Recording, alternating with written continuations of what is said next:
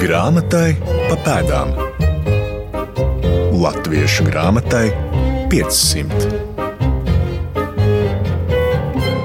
Esiet sveicināti! Mans vārds Laima Slava, un esmu gatava jūs iepazīstināt ar vērienīgu, apgaismības laika personību, vācu izcelsmes mācītāju, literātu, izdevēju un folkloristu Gustavu Fonbergmani. Viņa radošais mūžs saistīts ar āraišiem, masalats un rūjienu. Bergmaņa vārds raidījumos grāmatai pa pēdām pieminēts jau vairāk kārt, gan saistībā ar viņa mājas spiestuvi, gan ar tautas dziesmu vākumu. Viņš bijis abrīnojami daudzpusīgs cilvēks, tik daudzpusīgs, ka grūti būs visas viņa intereses, talantus un jomas, kurās darbojies, aptvert vienā raidījumā. Tāpēc galveno uzmanību koncentrēsim uz literāta un izdevēja darbību. Pieminēsim viņa interesi par dabu, vēsturi, arī par medicīnu, kā nekā izstrādājis sistēmu baku potēšanai un par to apbalvots ar cara Aleksandra I zelta medaļu. Uzzināsiet, cik temperamentīgs un izdomas bagāts bijis. Grāmatai pa pēdām. Pats uzzīmēja šo. Latvijas Šodien. Universitātes akadēmiskās bibliotēkas rokrakstu un reto grāmatu nodaļā glabājas izdevumi, arī rokraksti, kas saistīti ar Gustava Bergmaņa vārdu. Nodaļas vadītāja Aija Taimiņa uz galda sarindojusi vairākus izdevumus. Brods monuments sējumā. Ir divi Bergmaņa zīmējumi. Viens rāda Rujens baznīcu, tāds jauks un diezgan naivs, monochroms, melni pelēcīgs tušs zīmējums, un otrs ir skaists un krāsains Rujens pilsdrupu skats. Un ja ļoti domā par šī skata jēgu, tad var saprast un iedomāties, ka cilvēks, kas sēž pie zīmējumā galdiņa, kas ir nolikts no pilsdrupu priekšā, varētu būt Bergmans pats, kāds viņa tuvinieks vai dēls. Nu, tā brauc un Bergmans šajā epizodē. Pēc teoloģijas un dabas zinātnes studijām Leipzigas Universitātē Gustavs Bergmanis iestājies Rīgas brīvmūrnieku ložā, kur iepazinies ar broci, kura rosināts vēlāk sarakstījis darbu par Livonijas vēsturi. Bergmaņa vārds saistāms tātad ar āraišiem, masalats un rūjienu, ar vietām, kur kalpojas kā luterāņu mācītājs, bet dzimis viņš ir ādažu mācītāja Baltazara von Bergmaņa un viņa sievas Annas Elizabetes dzimušas Debkinas ģimenē. Neliela epizode no izdomas bagātā Gustava. No bērnības. Ādažu mācītāji mūžā bērnus audzināja stingri un cieti. Un gan nejauki mājskolotāji viens pēc otra tur uh, mazo zēnu dresēja, lai tas labāk apgūtu latīņu valodu. Bet arī māte bija cieta un stingra. Un Un ēšana nebūtu ne tik bagāta, kā būtu varējis gribēties. Un tāpēc mazajam puikam, Bergmanim, no nu, pusaudzim Bergmanim, bija ienācis prātā, ka viņam ļoti kārojas krējumi. Māte to nebija ļāvusi. Bet viņš bija samanījis, ka krējums stāv kādos spanīšos. Nu, ir tādas lauku mājās, augstās grīdas, un zem augstajām grīdām vēsumā var turēt uh, kaut ko pārtikai labi derīgu. Un zem šīs grīdas stāv spanītas ar krējumu. Bergmans saprot, ka viņš spēja pakustināt grīdas dēli. Viņš atceļ to dēli, un tad viņš paņem rupmaizi šķēli, piesien to šnurītē, guļ uz vēdera un mērķis rupmais šķēles panīti ar krējumu. Vienu dienu viņam labi izdodas labo krējumu dabūt, bet māte kaut ko bija samanījusi. Un tad, kad viņš otro reizi mēģināja nākošajā dienā tāpat mīloties ar krējumu, viņam tas slikti beidzās. Izpētes augsta. Lai atklātu daudzpusīgo Gustavu Bergmani savā zināšanās un pētījumos, dalīties lūdzām arī Latvijas Nacionālās bibliotēkas vadošo pētnieku Paulu Dāju.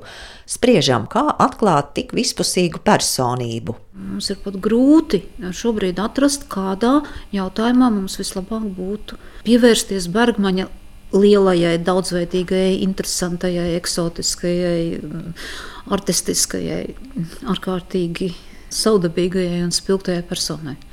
Var izskaidrot, kādēļ viņš bija tik daudzpusīgs. Es domāju, ka tas ir apgaismības laikmeta fenomens, un uh, Bergmanis pilnīgi noteikti piederēja pie tiem mācītājiem, kuriem ar amata pienākumiem bija par maz viņa klusējošai vai temperamentīgajai personībai. Un viņš uh, mēģināja atrast jaunus un jaunus darbības virzienus. Un viens no tiem bija arī uh, latviešu laicīgā literatūra, var teikt, arī tautas apgaismības literatūru. Es turu rokās pašlaik vienu no Bergmaņa grāmatām, 1791. gadā Rīgā izdoto labu ziņu un padomu grāmatu vidzemniekiem par labu iztaisītu. Grāmata sastāv no trim daļām. Atšķirsim un apskatīsimies. Pirmā daļa saucas eh, Mācības, kā pa godam dzīvot, būs tā kā kristīgiem cilvēkiem pienākās. Otrā daļa saucas zemes kopšanas un dzīves mācības, un grāmata noslēdz trešā daļa mācības, kā uguns jāsarga un kā cilvēkam savu dzīvību būs kopta.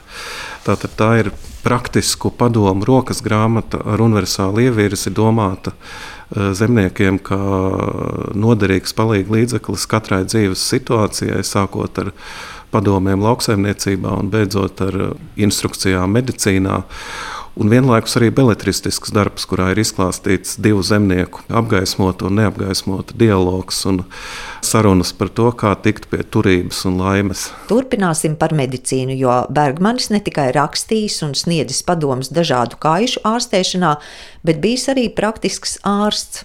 Ir zināms, ka viņa darinātie uzlējumi tika lietoti vēl pat 19. gadsimta otrajā pusē, respektīvi viņa receptes tika izmantotas.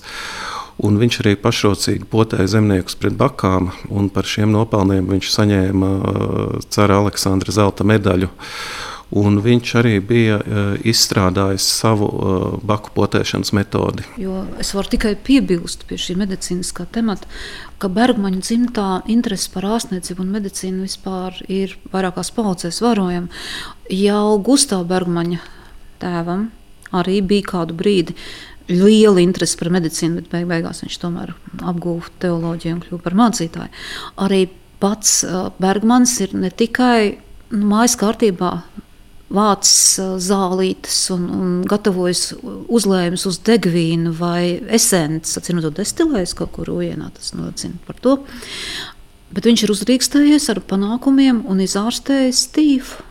Un ne tikai latviešu zemniekus ārstējis un viņiem palīdzējis ar patiesu prieku un līdzjūtību, bet arī vietējo vācu mužniecību. Arī šie cilvēki ir uzskatījuši par iespējamu vērsties pie Bergmaņa kā pie ārsta.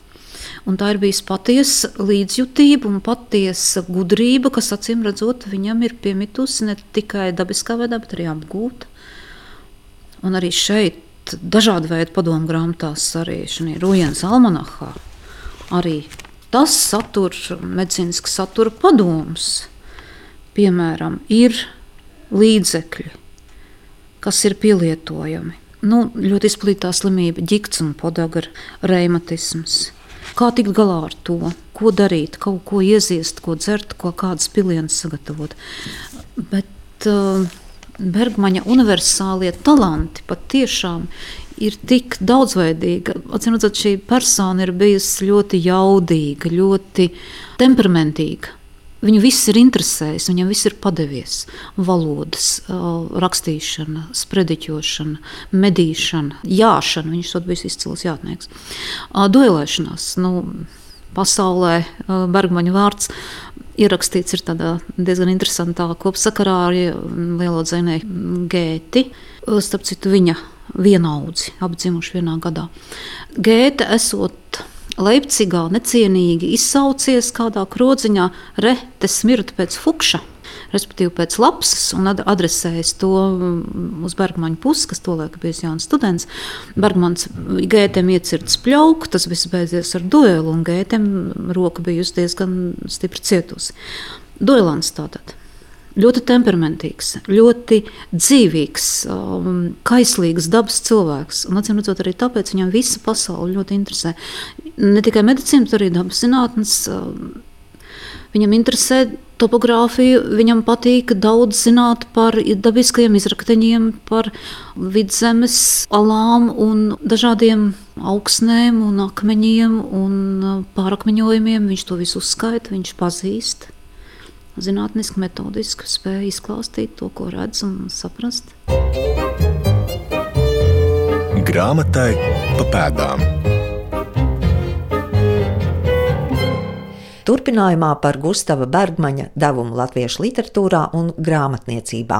Pauls Dāja uzsver, ka viņam Bergmaņa nozīme latviešu kultūrā vispirms saistās tieši ar literatūru.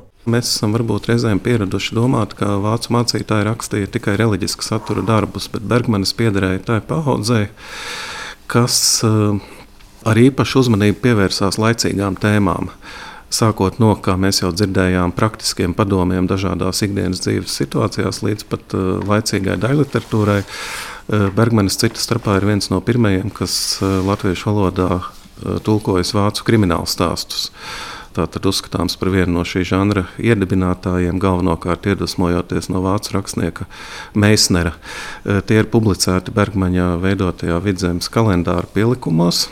Tāpat arī vidzemes kalendāra pielikumos nācis klajā pirmais latviešu valodā publicētais vidzemes vēstures apraksts, eh, kas balstīts eh, Blaufūs rokrakstā. Tā kā latviešu literatūrā 18. Eh, gadsimtā Bergmaņa vārds noteikti mm, ir viens no vislabāk redzamajiem līdzās vecajam stenderam. Un grāmatas Bergmanim ir tā laikam lielākā vājība. Un ne tikai lasīšana, ne tikai tekstu apkopošana, grāmatu krāšana, grāmatu pirkšana. Viņš ir dedzīgs bibliofils. Viņš krāja grāmatas, viņš pērk, viņš sludina mm, avīzēs. Uh, To, ka viņš labprāt gribētu pirkt, piemēram, Bībeles, jo viņš veido brīnišķīgu Un viņam tas izdodas lielisku bībeļu kolekciju, kurā ir bībeļu izdevumi vairākās valodās, 32 valodās, tostarp ir ļoti eksotisks, um, orientālās uh, valodas sastopams tajā pašā rojienā. Bet grāmatas viņš arī, kā varētu teikt, savā nodabā iespiež. Artefakta gaismā. Laikmetam raksturīga parādība vidzemē bija privātās jeb mājas spiestuves. Tādas iekārtoja divi mācītāji - Kristofs Harders un Gustavs Bergmanis. Pirmie mēģinājumi mājās iespiest grāmatas Bergmanim rodas jau Masalacā. Uz turieni jaunais mācītājs pārceļas, jo ir ienesīgāka draudzene vairāk zemnieku sētu nekā āraišos. Vēlāk mājas spiestuvi viņš pārcēlās arī uz Rūjienu. Tam dēļ viņam ir bijis jāvar pasūtīt uh, tipogrāfijas vajadzībām nepieciešamās iekārtas, burtus, un tas viss atceļo no Vācijas, no Halles un nonāk Masalacā, un tur nu tas sākās. Bergmans pats gan saka tā, ka viņam vienīgā interese esot bijusi, lai viņam būtu prieks, un lai būtu prieks viņa dēliem. Un Tas ir pavisam interesanti, jo Bergmaņa dēlu personā mēs laikam būsim sastapušies ar visjaunākajiem grāmatu iespiedējiem, visjaunākajiem poligrāfiķiem Latvijas eh, grāmatniecības vēsturē. Jo vienam puisītim ir tikai desmit gadi, bet otram eh, dēlam ir 14 gadi, kad viņš jau pats saliek eh, grāmatiņu 16 lapušu apbojumā, un tā ir ābets. Mēs viņu varēsim apskatīt. ABC ir neliela, taču vairāku lapušu bieza grāmatiņa, un Aija Taimiņa spriež, ka mājas spiestuvē bijusi arī pedagoģiska un motivējoša nozīme, lai dēli mācās būt pacietīgi, nosvērti. Tas ir arī lielisks paņēmiens, kā apgūt svešvalodas. Rujienā laist klajā tēvreiz 152 valodās, kas īstenībā nav 152, bet, ja pieskaita valodas un dialektus, nu jau iet mm, tuvu pie 169 dažādām valodām, jau tas ir interesanti. Bet uh, tas nav viss. Spāņu valodā Lukas evanģēlijas rojens izdevums. Portugāļu un spāņu tulkojošā vārnīca.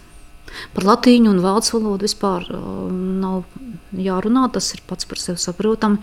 Angļu valodā dzējoļi, Rojienā, Masalacā. Franču valodā Rojienā, Masalacā. Rablē fragmenti, Voltēra, Henrijādas fragmenti. Brīnišķīgas lietas top. Vēl pie teiktā jāpiebilst, ka nav brīnums, ka viņš izdeva grāmatas dažādās valodās, jo pats bija poliglots. Viņš tiek lēsts, ka viņš pārvaldīja mm, kādas septiņas, sešas valodas. Un jau jaunībā, studiju laikā, viņš tulkoja no angļu un franču valodas uz vācu valodu, daļu literatūru. Bet eh, domājot par to, kā plašāka pasaule ienāca latviešu grāmatniecībā, pateicoties Bergmanim, manis jau pieminētā laba ziņu un padomu grāmata ir ļoti labs piemērs, jo tas ir pārstrādāts tulkojums no vācu valodas Vācijā 18. gadsimta. 80. Eh, gadu beigās eh, nāca klajā Rudolfa Caharijās Bekera vajadzības un palīdzības grāmatiņa zemniekiem. Tāds bija tās nosaukums. Eh, kas bija tieši iecerēta sniegt sistemātiskas zināšanas, eh, lai veicinātu apgaismības izplatīšanos sabiedrības zemākajās kārtās. Un šī grāmata ir ārkārtīgi labi pazīstama mm, vācu eh, kultūras vēsturē. Galvenokārt tāpēc, ka tā kļuva par vienu no pirmajiem lielajiem bestselleriem vācu izdevēja darbībā. Eh, gan piesaistot rekordlielu iepriekš parakstītāju skaitu, nepilnus 30 tūkstošus, eh, gan arī patiešām eh, gūstot plašu rezonanci sabiedrībā. Un šīs grāmatas pārstrādāts tulkojums latviešu nāca klajā ļoti drīz pēc vācu publikācijas. Tulkojuma tapšanā piedalījās vesela autoru komanda - Gustavs Bergmaņa brālis Liborijas Bergmanis, Ludvigs Augusts Mellīns, Gotlīps Šlēgelis, kas skatīja cauri vācu tekstu, pārveidoja to, pielāgoja viņu iztēlotajām latviešu lasītāju vajadzībām un uztverēji, un tad Bergmanis to visu latviskoja.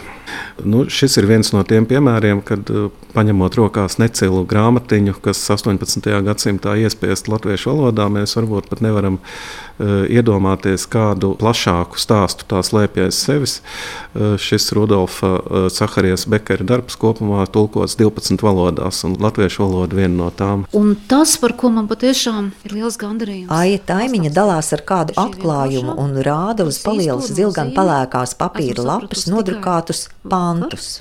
Liekas, kas tur īpašs? Labs vidū, atturīgā rāmītī, latīņu panti. Bet iedziļinoties Bergmaņa biogrāfijā, kļūst skaidrs, ka šī ir lapa, kas ir bijusi piesprāsta virs rūjienas ērbērģa durvīm.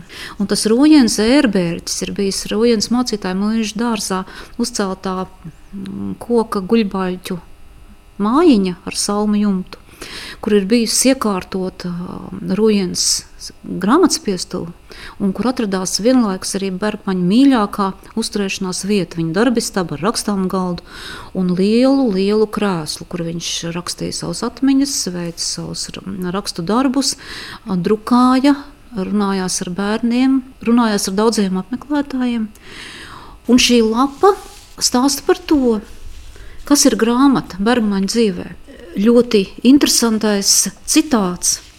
Tā provenance ir visai sarežģīta. Izrādās, Bergmanis ir labi pazinis ne tikai teoloģisko literatūru, viņš, būdams kaislīgs bibliofils, ir labi zinājis arī agrāku gadsimtu Eiropas izcilākos sacerējumus par lasīšanu, par grāmatām, un to starp 13. un 14. gadsimta bibliofila, Anglijas kanclera un biskupa Ričarda Onžervila, jeb Berijas Ričarda, slaveno cildinājumu grāmatai Filobibliona, jeb grāmatu mīlestība. Tas ir 1344. gads.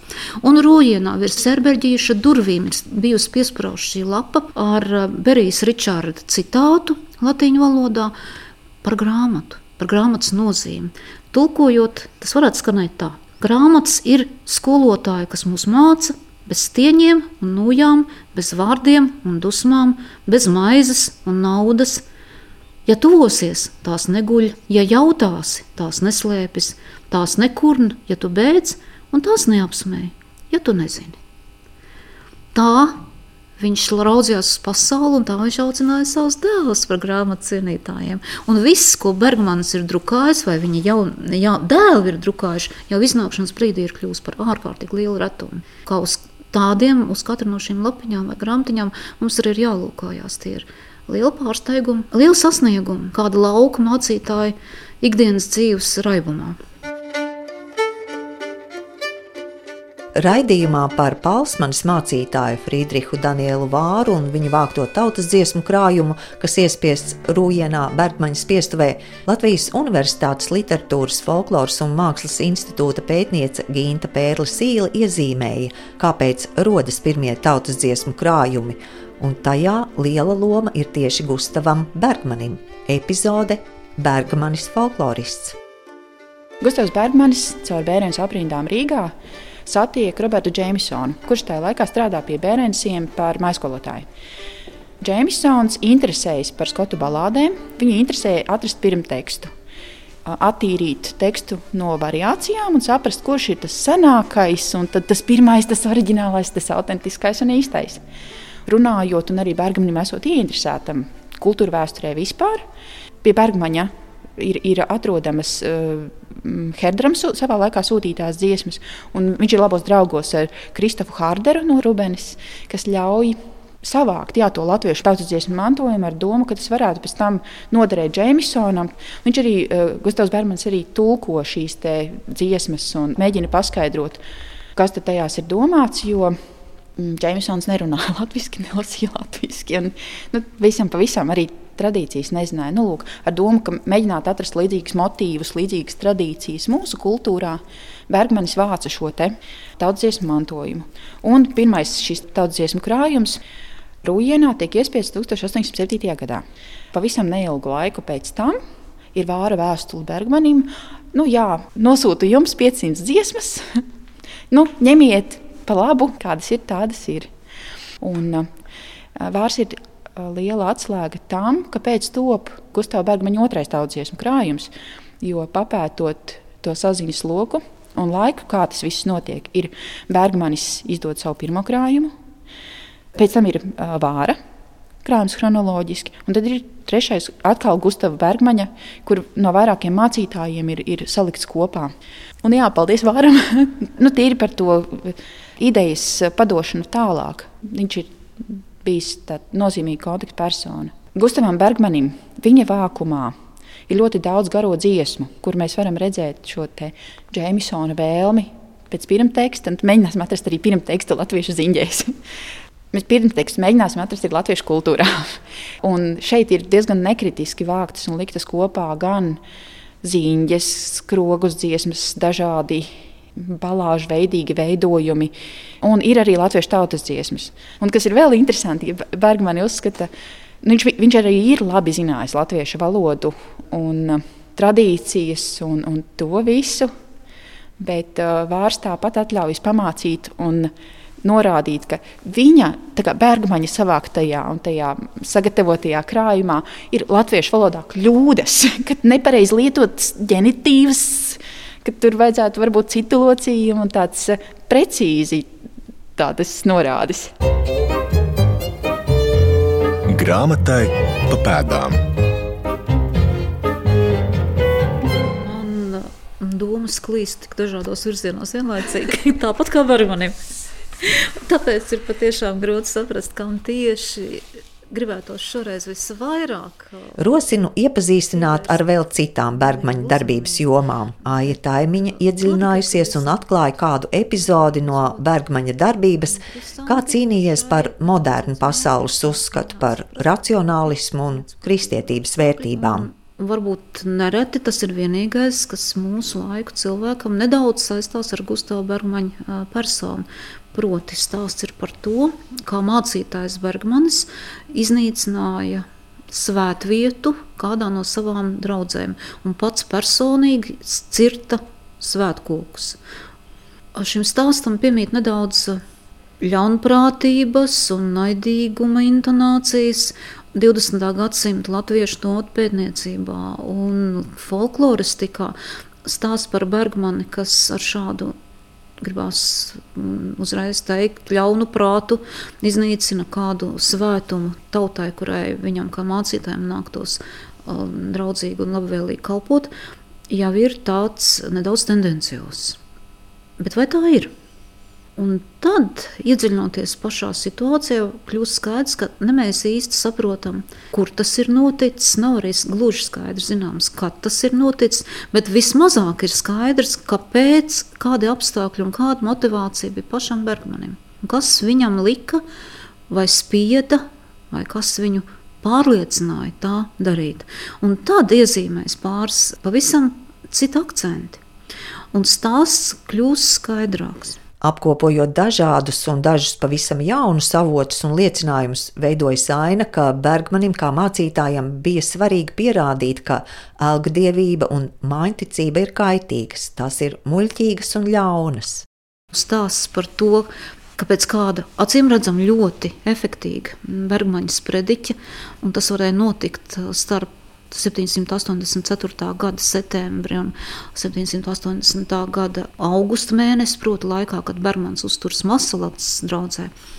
Pie viņa pēc šāda sprediķa ir atnākuši pāris saimnieki vai viens saimnieks, citā versijā. Uzklausīdams mācītājs sapratis, ka viņš vēlās darīt un dzīvot savādāk. Viņš prasīs mācītājiem palīdzēt, jo viņam lūk, no senčiem, no vecākiem mantots ir tāds koks, pie kura viņam nākas upurēt, un viņš to vairs nevēlas darīt. Bet savukārt viņa ģimene, un viņa dzimta un viņa saime tagad ir lielās bailēs, jo, ja, ja saimnieks to pārstās darīt, tad par māju nāks sots un nelaimes un svētība zudīs. Un tāpēc uh, saimnieks ir aicinājis mācītāju Bergmanu palīdzēt. Bergmans arī pats saka tā, jā, un tad es cēlos un braucu, kad to uzzināju un ieraudzīju kādu koku.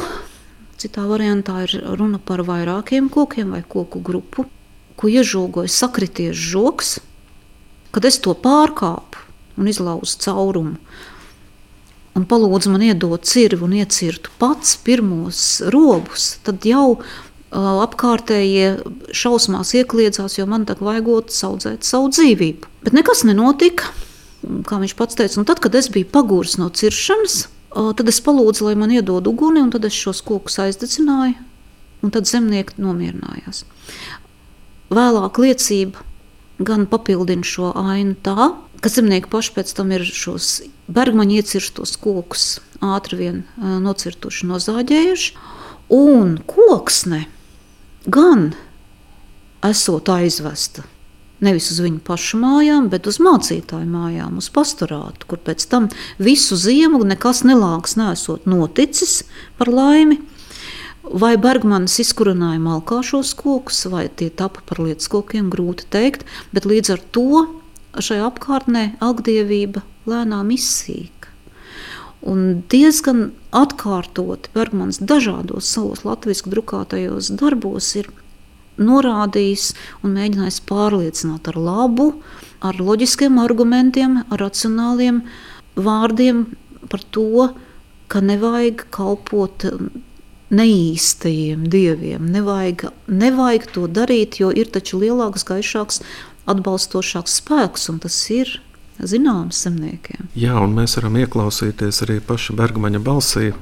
Es atšķīru, klausoties ajā lapusi, kurā viņš eh, apcer vienu no latviešu tradīcijām - veļu mielošanu.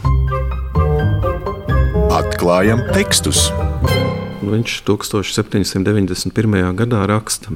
Dažiem cilvēkiem tāda nelaba ticība ir, ka ceturtdienas vakarā, jeb piektā vakarā, jeb kad līķis uz zemes ir, jeb garu laikā, kad tos vecus ļaudis sarēķina un mielo, jeb kustoņu dienā, jeb piepešas nāves dienā un dažā citā dienā nav jāstrādā.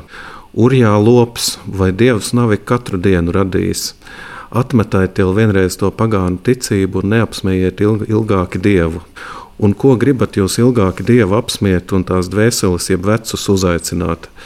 Vai tad viņiem mute, jeb zobi ir, ka tie mācētu ēst?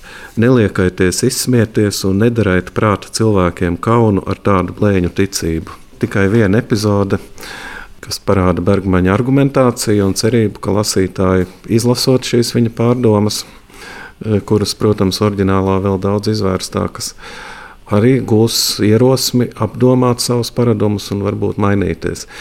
Protams, mūsdienās folkloristiem eh, šis Bergmaņa teksts un citi ir pavisam interesanti gluži citu iemeslu dēļ, tāpēc ka no tiem mēs varam gūt zināšanas par latviešu paradumiem 18. gadsimtā. Lai daudzpusīgāk atklātu Gustavu Bergmani, vēl kāda sadzīviska epizode. Tad Bergmanis ir vecs vīrs, un to pieminējis Meškopis. Var sakot, mācītāji mūžā ruinā runājās Bergmanis ar, ar kādu ar šo savu apmeklētāju, bet tad viņš sadzird, ka kaut kur tur priekšistabās viens no mācītāja mūža kalpotājiem šausmīgi lavā savu sievu. Neglīti šausmīgi lamā.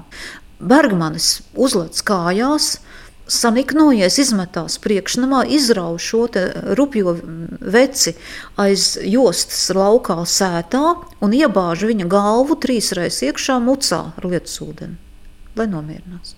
Aleži interesanti atklāt raksturus, temperamentu, kas nereti uzplaiksnī tikai caur atmiņu drumslām vai kādām piezīmēm.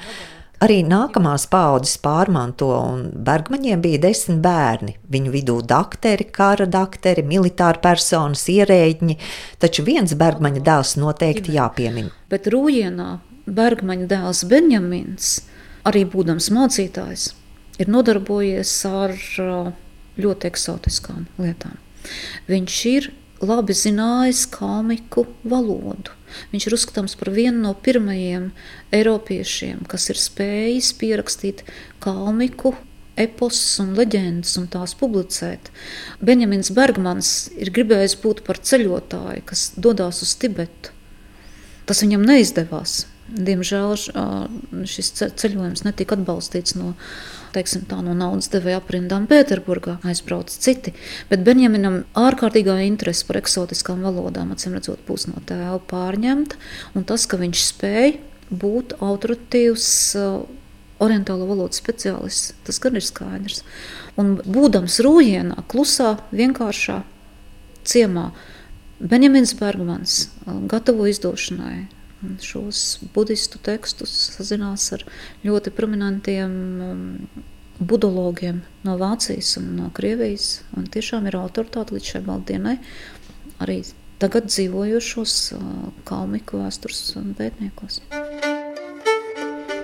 Paša Gustavs Bergmaņa manuskripti atrodas dažādās krātuvēs. Aija Taimiņa un Pauls Dāja mudina pētniekus pievērsties Gustavs Bergmaņa personībai, jo tā būtu brīnišķīga tēma tiem, kas grib labāk izprast laiku un personību.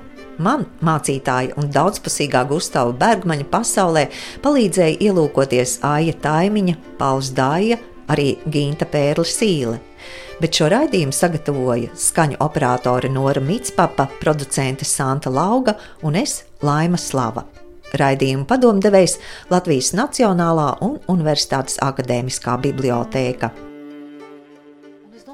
Esam iepazīstinājuši ar kāda lauku mācītāja lielajiem sasniegumiem, un kā gada nogalē piedaras, ieskatāmies Rujienas almanahā. Tā autors Gustavs Bergmans. Tur ir mākslinieki, Nu, no Michelangelo šajā kalendārā ir lasāms tāds lokalizētais vārds Angelo. Mēs saprotam, par ko ir runa. Ir rakstnieki, ir Šekspīrs, tas pats Gelerts ir. Maljērs, Didro, zinātnieki, Ņūtons, Leibnicis. Tie, kas šo kalendāriņu, šo almanaku ņēma rokās, noteikti saprata, ka pasaule ir plaša, interesanta, daudzveidīga, un tur ir ļoti daudz ļoti cienījamu vīru, kurus ir jāzina, jāpazīst. Ļoti vērienīgs, ļoti temperamentīgs vīrs ir bijis. Grāmatai pa pēdām. Latviešu grāmatai 500.